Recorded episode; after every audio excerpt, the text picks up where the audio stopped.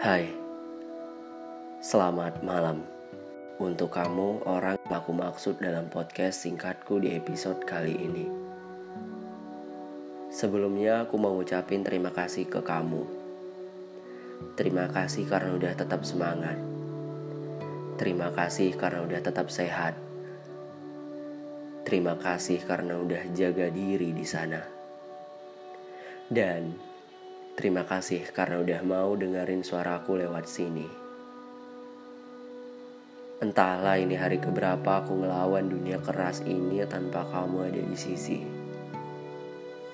Entahlah ini malam keberapa aku menelusuri kota kecil ini tanpa gelap tawamu. Ada banyak hal yang aku ingin ceritakan denganmu. Tapi malam ini rasanya terlalu singkat untuk itu. Jadi, biar ku persingkat sekalian lewat sini. Tuan putriku, ada sesuatu yang ingin ku sampaikan padamu lewat sini. Dan semoga kamu memahaminya dan peka dengan apa yang aku maksud. Aku bukan yang gak berani untuk menemuimu lalu memberitahumu secara langsung.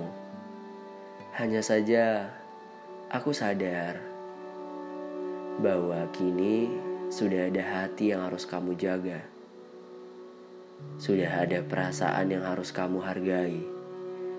Oleh karena itu, aku gunakan media ini untuk menyampaikannya agar dia tidak merasa tersakiti. Tuan putriku, bertemu denganmu adalah sesuatu yang aku nggak tahu harus berapa banyak rasa syukur untuk itu. Hari demi hari terasa berubah untuk diriku.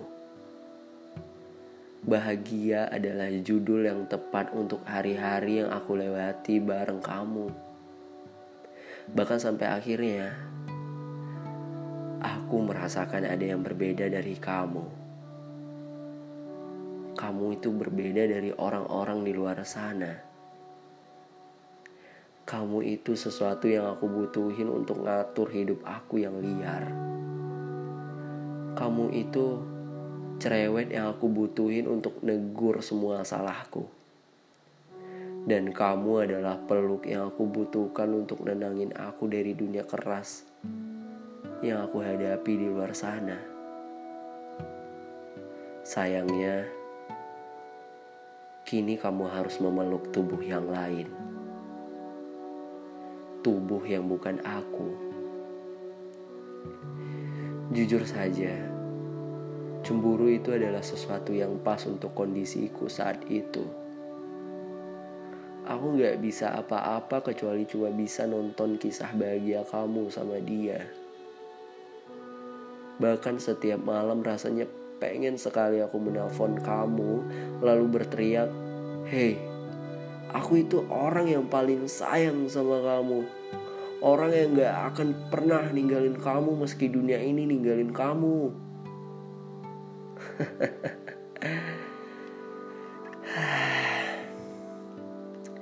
Tapi rasanya percuma jika emang bukan aku orang yang diinginkan. Tapi aku juga sadar bahagiamu itu adalah bagian dari bahagiaku. Oleh karena itu, aku memilih untuk mencintaimu dalam diam saat ini, memerhatikanmu dari jauh, dan memastikan janjiku dulu tetap aku pegang dengan teguh. Di mana aku berjanji sama kamu bahwa aku adalah orang yang akan mencintai kamu meski kamu mencintai orang lain. Jadi orang yang gak akan ninggalin kamu sampai kapan pun itu. Bahkan ketika dunia ini ninggalin kamu, aku siap jadi orang yang bakal musuhin dunia ini untuk kamu. Dan jadi orang yang bakal selalu ada untuk meringankan kesulitan kamu. Aku melakukannya bukan karena terpaksa, melainkan karena aku bahagia melakukan semua itu. Karena aku sadar Kini aku bukanlah lagi tubuh yang bisa kamu sentuh, tubuh yang bisa kamu peluk. Aku sadar soal itu. Maka dari itu aku memilih untuk melakukan hal-hal yang dulu pernah aku lakukan kayak sibuk menulis, sibuk kerja, dan kesibukan-kesibukan lainnya.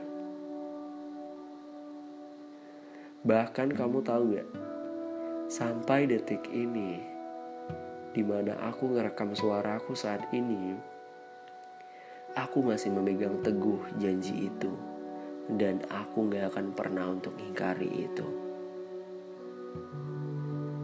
Tuan putriku, hari-hariku masih berisi harapan kepadamu. Doa-doaku masih tentang kamu dan judul setiap tulisanku masih kamu. Selamat malam untuk kamu. Selamat terlelap. Semangat terus untuk hari esok. Aku di sini bakal selalu nungguin kepulanganmu.